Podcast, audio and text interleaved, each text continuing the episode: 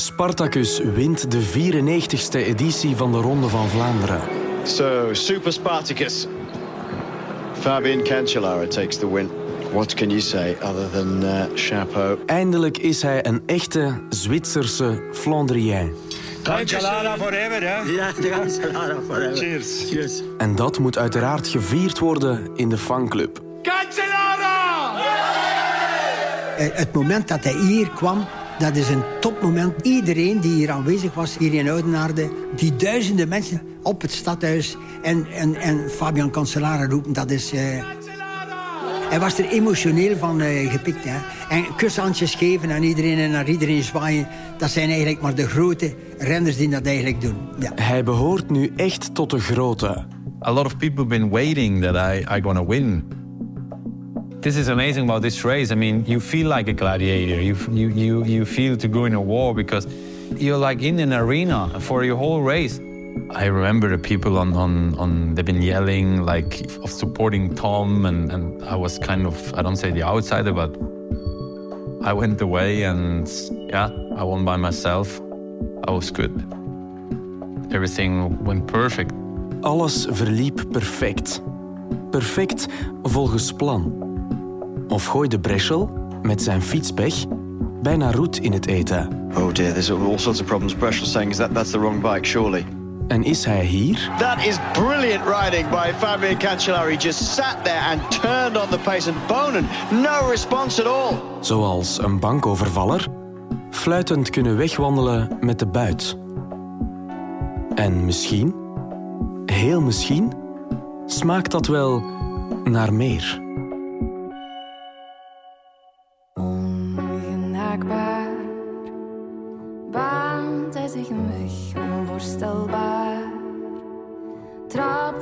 Zich af, Bonen is daar. Maar Cancellara is al weg, is het echt wat men zegt.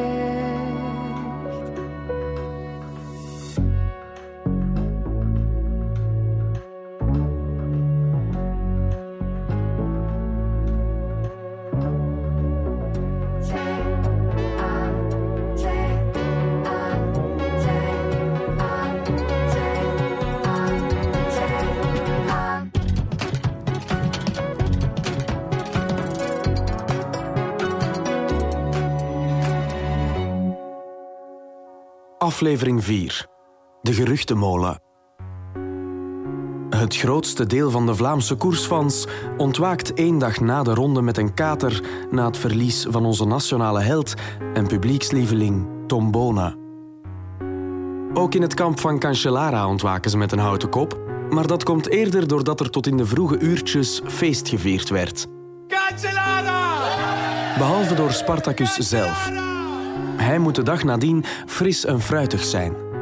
Want hij neemt in opdracht van fietsmerk Specialized een promotiefilmpje op. En daarvoor gebruiken ze de fiets waarmee hij de ronde won. De fiets waar alles om te doen is. En deze hele podcast rond draait. So no, this is the bike. You know, he said it was a great bike. Worked really well for him yesterday. Ze bekijken, inspecteren, meten en analyseren hem volledig. En ze besteden zelfs wat aandacht aan de details die op de fiets zijn aangebracht. He was telling us earlier that every time he's won, there's always been a seven involved. So he has he has the logos with the dice with the seven, and then actually yesterday his number one seven one. So obviously it's true. De Zwitser wijt zijn overwinning deels aan zijn geluksgetal 7. En zijn fans bevestigen die bijgelovigheid. De mechanicien van Fabian was heel artistiek. En die had er het logo, de helm van Spartacus, opgetekend. Zo was er ook een plaatje voorzien op het stuur met eh, twee dobbelstenen op, met het geluksgetal van Fabian, zeven. Al staat die bijgelovigheid wel lijnrecht tegenover de theorie dat hij een valsspeler zou zijn. En het feit dat hij zijn fiets zo openlijk tentoonstelt in een reclamefilmpje pleit ook in zijn voordeel. Haven't even cleaned it yet. As you can see, they just put it up and they're going to clean it shortly. Of is het juist de perfecte dekmantel voor een meesterplan? Als ik morgen een fiets heb met een motortje en ik win daarmee de Ronde van Vlaanderen, en je komt overmorgen bij mij controle doen, dan zal er geen motortje meer in die fiets zitten. Heeft Roger Thiel het motortje intussen al verwijderd? Of de fiets vervangen door een exacte kopie en er dan zelfs modder op aangebracht? Of zat zijn fietsmerk Specialized misschien mee in het complot? En wist Bjarne Ries hiervan? Of Andersen? En waar ging de fiets hierna naartoe? Allemaal uiteenlopende theorieën die louter bij speculaties blijven. Maar de fiets werd na het reclamefilmpje nooit meer gezien. Wat we ons wel kunnen inbeelden is dat een hypothetisch schuldige Cancellara zich op dit moment heel erg opgelucht moet voelen. Of net gigantisch paranoïde was. Want slechts één ooggetuige en heel het plan valt in elkaar als een kaartenhuis. En als Cancellara's vaste mechanicien Roger Thiel mee in het complot zit, moet hij op dit moment toch bezig zijn met bewijzen te vernietigen. Of zetten ze hun plannetje gewoon voort? Hello and welcome to what is the 108th edition of the race they call the race to the hell of the north of France. It is indeed Paris-Roubaix. Tom Bonen today uh, could join the great name of Roger de Vlaming if he were to win because he'd become on the second cyclist uh, to win Paris-Roubaix on four occasions. Exact één week na de Ronde van Vlaanderen breekt Parijs-Roubaix aan. Voor Tom Bonen de ideale kans om zijn eer te redden. Voor aanvang zegt hij dit. I already won more races than Fabian did, so I don't think I have to be uh, the unlucky one. And uh, I think after the last few weeks, uh, the only thing we can do is be happy because it was really, really beautiful races. I enjoyed racing them, and Fabian was uh, was the strongest. Zijn reactie laat niet meteen uitschijnen dat er al geruchten zijn over het motortje. Of alleszins niet dat hij er weet van heeft. Maar hij weet nog niet wat er hem in de hel van het noorden te wachten staat. In tegenstelling tot de Ronde van Vlaanderen is deze koers veel minder een lijf-aan-lijf duel. Al proberen de titanen af en toe wel eens een steek uit te delen en te ontsnappen. En Bonen. Oh, plots is Bonen daar alleen. En nu meneer Cancellara, nu staat nu hè.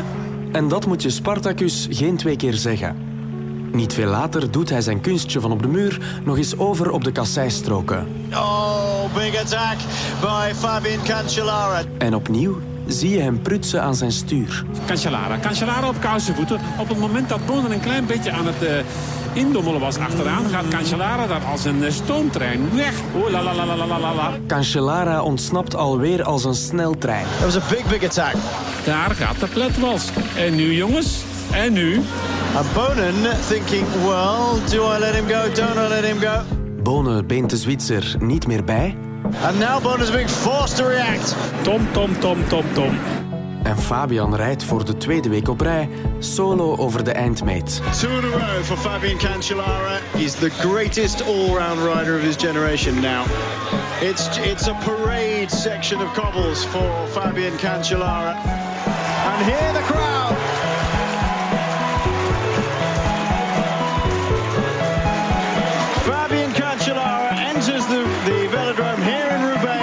Of 6 hours and 34 minutes just about. After an absolutely masterful display of attacking riding. He's combined everything he's good at. Huge kick he's got and the crowd absolutely love it. They're lapping it up here. En dan kan hij rustig adem nemen. Zijn hoofddoel van het jaar, winst in de Ronde van Vlaanderen, heeft hij al op zak. Victory in the Tour of Flanders goes to Fabian Cancellara. En als kers op de taart wint hij dus ook nog eens Parijs-Roubaix. Man tegen man, nee. Hij heeft alle leeuwen opgevreten lang voor de piste van Roubaix. Cancellara wordt straks tot keizer gekroond. Keizer van dit voorjaar. De eerstvolgende stop op zijn agenda in het kalenderjaar van 2010 is de Tour in California. En die vindt plaats halverwege mei. En dat is geen geweldig succes. Maar zijn focus ligt waarschijnlijk op een andere koers, die half juni pas van start gaat in zijn geliefde thuisland, de Ronde van Zwitserland. Dat moet een soort paradetocht worden. Je kan het je zo voorstellen. De kleine migrantenzoon uit Wolen bij Bern, die ooit een fiets van zijn vader in de garage zag hangen, zou als een ware keizer ontvangen worden na zijn fantastische voorjaar. Er hangt nog net geen tweespan van paarden voor zijn fiets die hem voorttrekt terwijl hij zijn volk groet. De lauwerkrans ligt al klaar. Maar dat loopt helemaal anders. Op 31 mei 2010, ongeveer twee weken voor die ronde van Zwitserland, komt er een kille wervelwind uit Italië aanwaaien. Le biciclette truccate esistono. L'ho provata, vi posso dire che se io corressi con questa bicicletta... Op YouTube verschijnt een filmpje met de titel Bike with Engine en Cancellara. Het filmpje heeft ondertussen, meer dan tien jaar later, al 5,3 miljoen weergaven. En deed al een hele hoop stof opwaaien. Io abbia 50 anni. E adesso vi facciamo vedere il meccanismo. Het filmpje start met een gele tekst op een blauwe achtergrond. Als een soort pancarte. En het ziet er wat amateuristisch uit. De tekst waarschuwt de kijker dat men niemand wil beschuldigen of aanklagen. Nadien komt er een man in beeld gewandeld met een gedopeerde fiets in de hand. Je ziet hem haarfijn uitleggen hoe zo'n elektrisch motorsysteem nu juist werkt. En jawel, hij heeft het over ons Vivax-motortje. En dan spreekt het filmpje zichzelf gigantisch hard tegen. Er worden insinuaties gemaakt. Beelden van Cancellara volgen elkaar nu in snel tempo op. Je ziet de Zwitser fietsen op de muur van Gerardsbergen en over de kasseien van Roubaix scheuren. En de uitleg over de mechanische doping wordt, opnieuw door gele tekst op een blauwe pancarte, gelinkt aan de prestaties van onze Zwitser. De man in het filmpje is niet de eerste de beste. Spingendo questo bottone si aziona il meccanismo. Het is Davide Cassani, een betrouwbare bron in het Italiaanse wielerlandschap. En het is niet de eerste keer dat Cassani als klokkenluider fungeert. Eerder speelde hij al een belangrijke rol in de schorsing van de Deense wielrenner Michael Rasmussen. En zo geeft dit filmpje opnieuw een startschot. Niet voor een koers, maar voor een ware geruchtenmolen die op gang komt. Het speelt zo'n grote rol in de mening van miljoenen mensen dat we beslissen om de bron op te zoeken. De commentator in de video, Davide Cassani. Op het internet vinden we een telefoonnummer. En in al ons enthousiasme bellen we er meteen naar. Pronto? Hi, um, you're speaking with Lisa. Do you speak English? Eh, un po'. Chi parla? Lab. Niemand van ons twee spreekt vloeiend Italiaans natuurlijk. Met man en macht probeert Lisa in een mix van Italiaans en Engels uit te leggen dat we op zoek zijn naar Davide Cassani. The contact of David Cassani. Am I speaking with... Telefono? Phone? Phone, yes, phone David Cassani. Scriva. Sì, sì, Number. scriva, sì. En wonder boven wonder krijgen we een nummer te horen. Tre, Cinque. cinque. Maar om ons verdere ongemakken met de taalbarrière te besparen, halen we er toch maar iemand bij. Een Italiaanse tolk, Giulia, die graag helpt. Mi scusi ancora per il disturbo e grazie ancora per il tempo. Maar nog vooraleer Giulia hem kan vragen waarom hij het filmpje op internet zette, wil Cassani al iets kwijt. Ah, oké. Hij vertelt ons dat hij nooit wilde insinueren dat Cancellara met een motortje reed. Hij wilde mensen gewoon waarschuwen voor het gebruik van zulke praktijken. Cassani beweert bovendien dat hij er is ingeluisterd door ene Michele Buffalino, een journalist uit Pisa. Want Buffalino had net een boek uitgegeven over mechanische doping. La bici dopata, l'autore Michele Buffalino. En bij wijze van promotiestunt knutselde de journalist uit Pisa het vreemde, nogal amateuristisch ogende YouTube-filmpje in elkaar. De beelden van Cassani, de gerenommeerde klokkenluider, dienen louter om het filmpje van Buffalino respectabeler te maken en kracht bij te zetten. Op die manier zou het boek van Buffalino zeker verkopen als zoete broodjes. Fake news avant la lettre dus. Cassani voelt zich misbruikt door Buffalino. En hij voegt er nog in het pittig Italiaans aan toe dat Buffalino het YouTube-filmpje op een plaats kan steken waar de zon niet schijnt. Hoe dan ook, deze twee bekvechtende Italianen liggen aan de basis van de geruchtenmolen. En zijn, de ene al iets opzettelijker dan de andere, verantwoordelijk voor fus. Fus. Wat is fus? Daar hebben we het al over gehad. Door die fus begint de geruchtenmolen langzaam te draaien. En dat herinnert collega-podcastmaker Jappe Toten zich nog levendig. Ja, de verhalen zijn de ronde beginnen doen. Iets erna, ik denk een paar maanden erna, door uh, Davide Cassani. Dat is eigenlijk uh, een beetje de opperklokkenluider van, uh, van het wielrennen. Ik denk dat het met de Italiaanse televisie was. En het ging over een motortje in een fiets. Hij sprak erover en hij zei zelf van... Met zo'n fiets win ik nu nog een rit in de Giro. Wetende dat Cassani, ex-renner wel, maar was wel toen al 50 jaar. We spreken over 2010, dus dat is iets van een 13 jaar geleden. Ja, sociale media begonnen ook wel echt te boomen. En ja, dan hebben ze toen heel veel fragmenten getoond van Cancellara op de muur.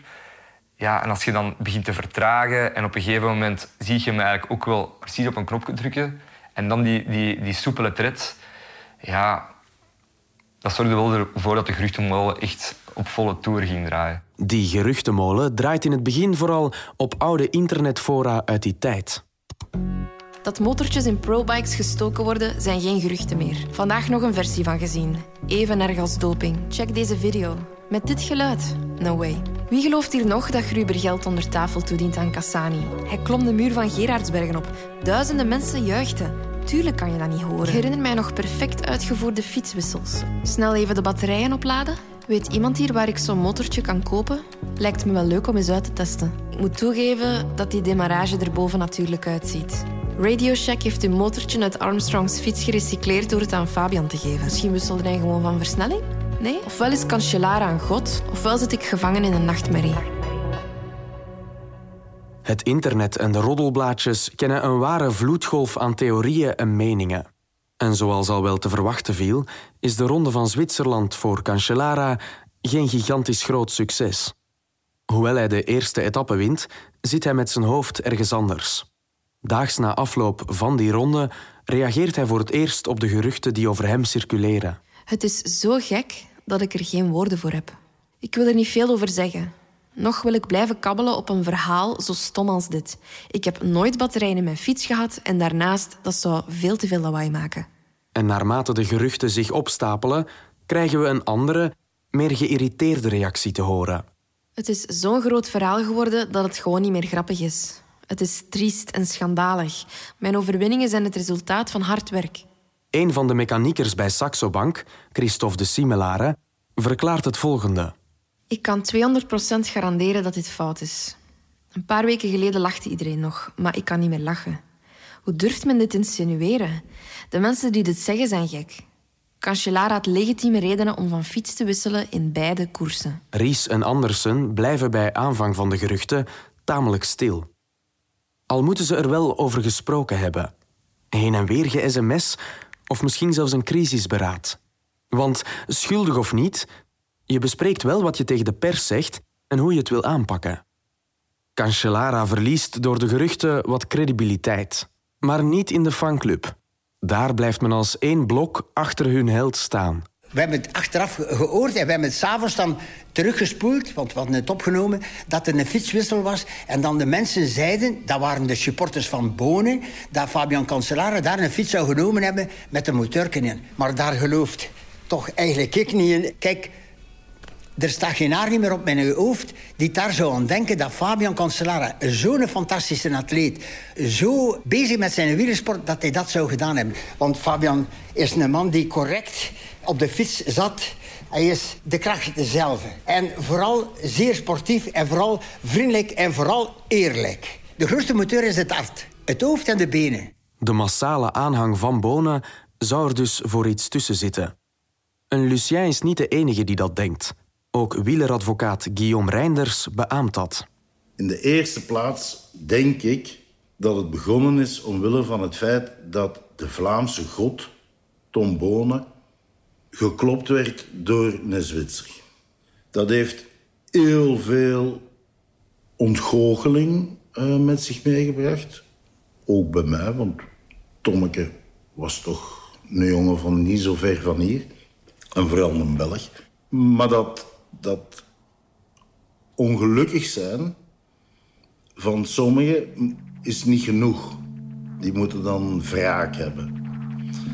En dan, dan op café is iedereen Michel Wuits. En dan heeft iedereen wel zijn, zijn mening. En dan beginnen ze van alles te opperen, van theorieën en, en, en complotten en, en dergelijke meer. Doordat zoveel hun innerlijke Michel Wuits bovenhalen op café, blijven beide kampen maar groeien. En na een tijd heeft echt iedereen die nog maar een beetje affectie heeft met koers een mening over het motortje van Spartacus. Ik weet nog dat de eerste geruchten al begonnen. Ik dacht, oh nee. En vooral heel naïef, zo van, nooit Fabian. Fabian is Fabian en Fabian kan dat. Maar ja, mijn brein wil daar tegen vechten en zegt, ja, dit is duidelijk, dit is mechanische doping. Maar vooral met bewijs van het filmpje wil mijn brein echt ja zeggen, mijn hart overtuigen, maar ja, het is een serieuze tweestrijd. Als je dan eh, de gemonteerde video's ziet, dan zeg je, ja, op die manier kan je alles bewijzen. We hebben dat heel snel gecatalogeerd als onzin. Zoals iedereen, denk ik, heb ik het sterk vermoeden dat hij in de Ronde van Vlaanderen en Parijs-Roubaix met een motortje in de fiets reed. En dat vind ik nu pas echt bedrog. Cancellara reed met een motortje. Daar ben ik zeker van. Motortje. Ja, motortje is een fiets. Het motorke? Een motortje in een fiets. Een motortje. Ja, en er wordt ook gezegd dat toen dat Cancellara aankwam, hij de koers had gewonnen, dat die fiets ook wel ineens heel snel spoorloos was. Dat zijn, als je al die zaken optelt, dan in combinatie met het filmpje, je ziet hem drukken op een knop, wegrijden, pedalerend. Want er wordt dan ook gezegd van, ja, hij rijdt de muur naar omhoog zonder recht te staan, want hij kan niet recht staan, omwille van dat motortje.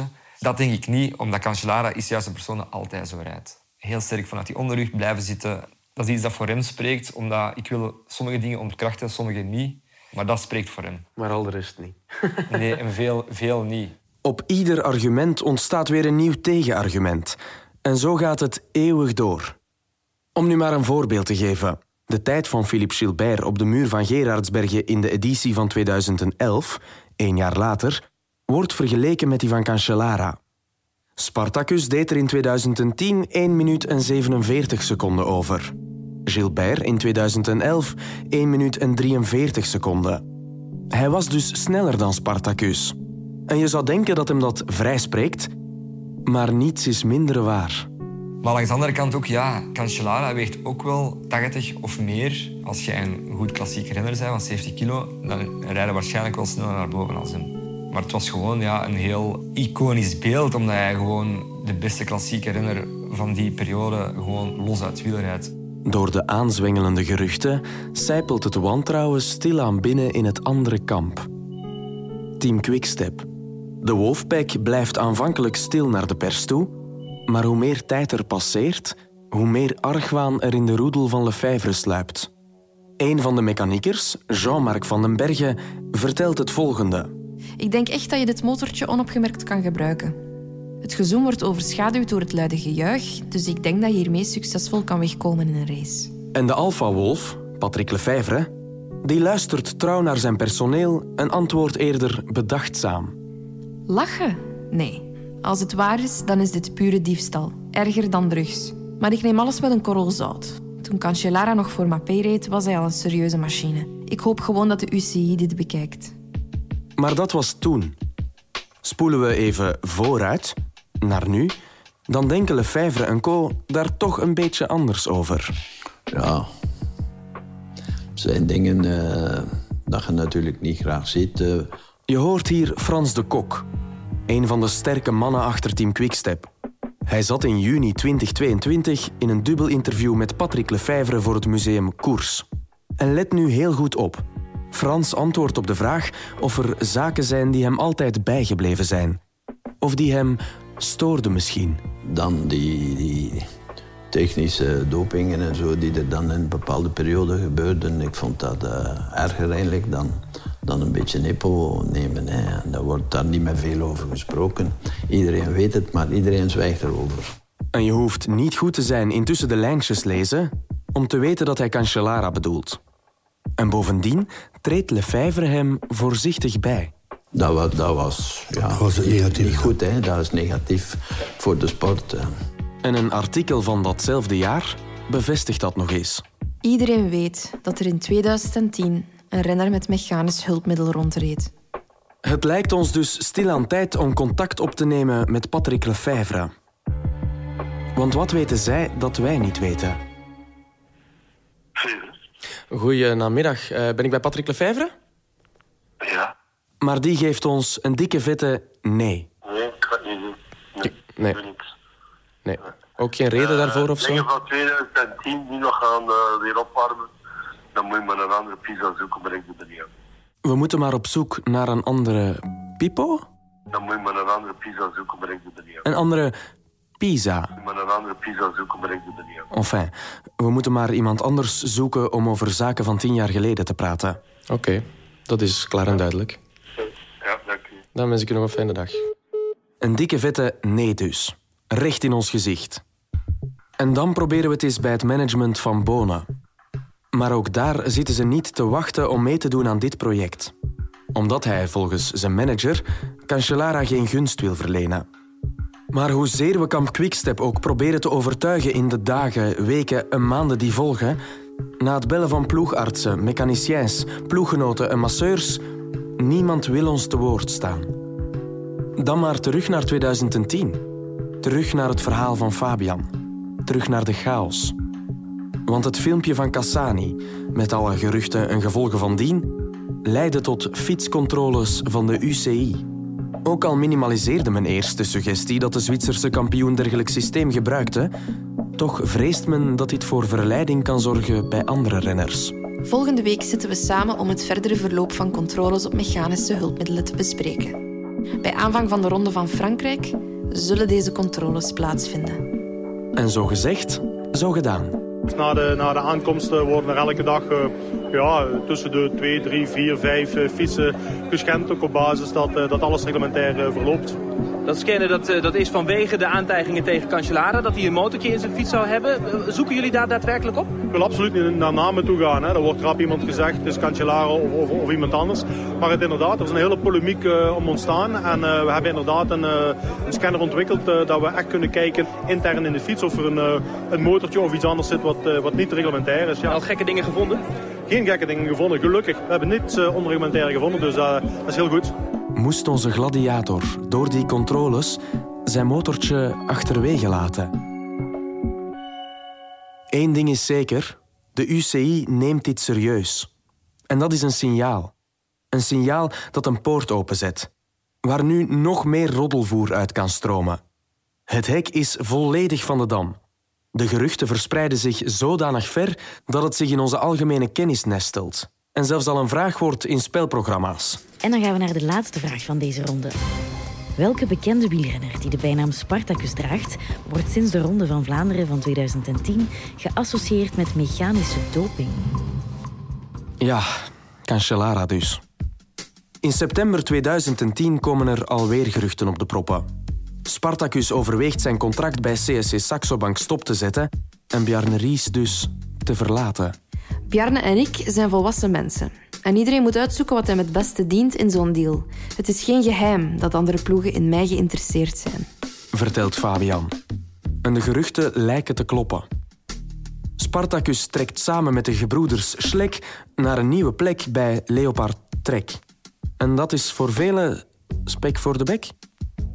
Gezien de omstandigheden en de sfeer die volgt na de geruchten, vragen we ons af of daar niet meer achter zit. Hoe zat het met die breuk?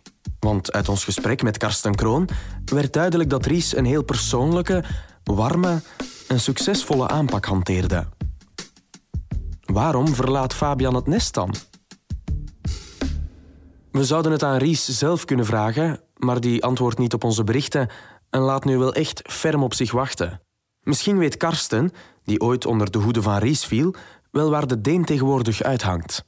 Ik weet dat, dat Bjarne dat hij uh, ook echt mentale problemen heeft gehad. Dus, dus zwaarmoedig is geweest, dip, uh, heeft geworsteld met depressies. Dus ik heb ook wel gehoord dat het de afgelopen jaren dat hij het echt wel pittig heeft gehad. Ik heb geen idee waar hij nu zit. Hij is volgens mij op een gegeven moment verhuisd van Italië terug naar Denemarken. Maar ik heb ook echt al helemaal ten zeker tien jaar niet gesproken. Op het internet lezen we dat er toch wat heibel ontstaat tussen Fabian en Ries na de overstap van de Zwitser naar Trek.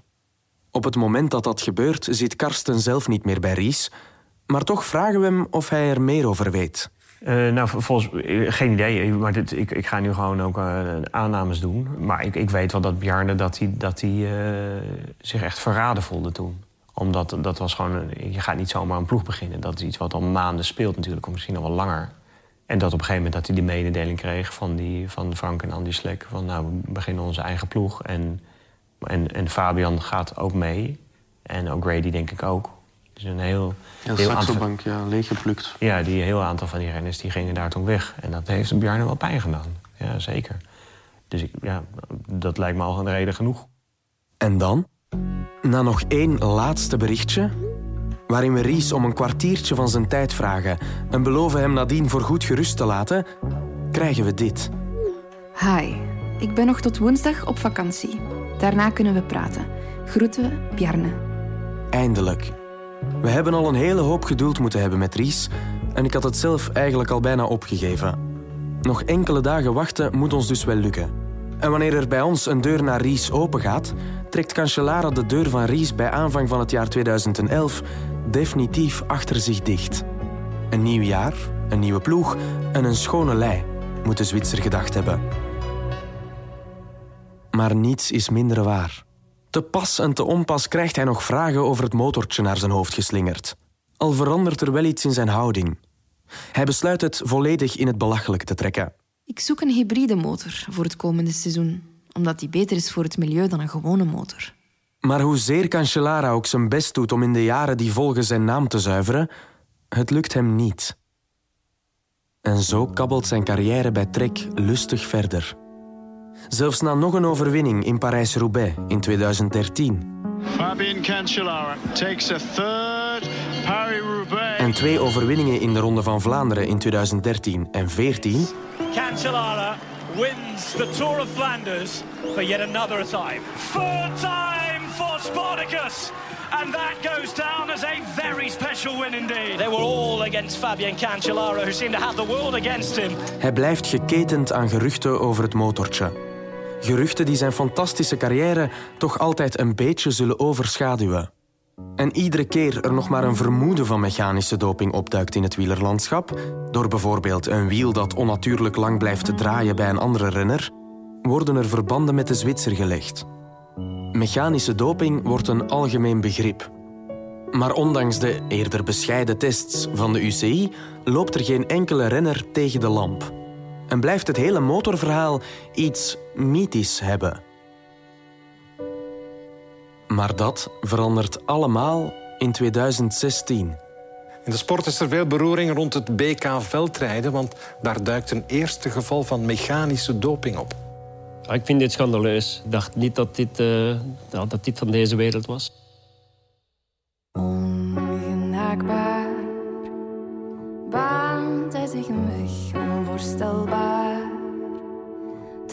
Het van zich af, Bonen is daar. Maar Cancellara is al weg, is het echt wat men zegt. Dit was de vierde aflevering van de zesdelige reeks De Fiets van Cancellara. Een podcast van de Podcast Planet. In opdracht van HLN.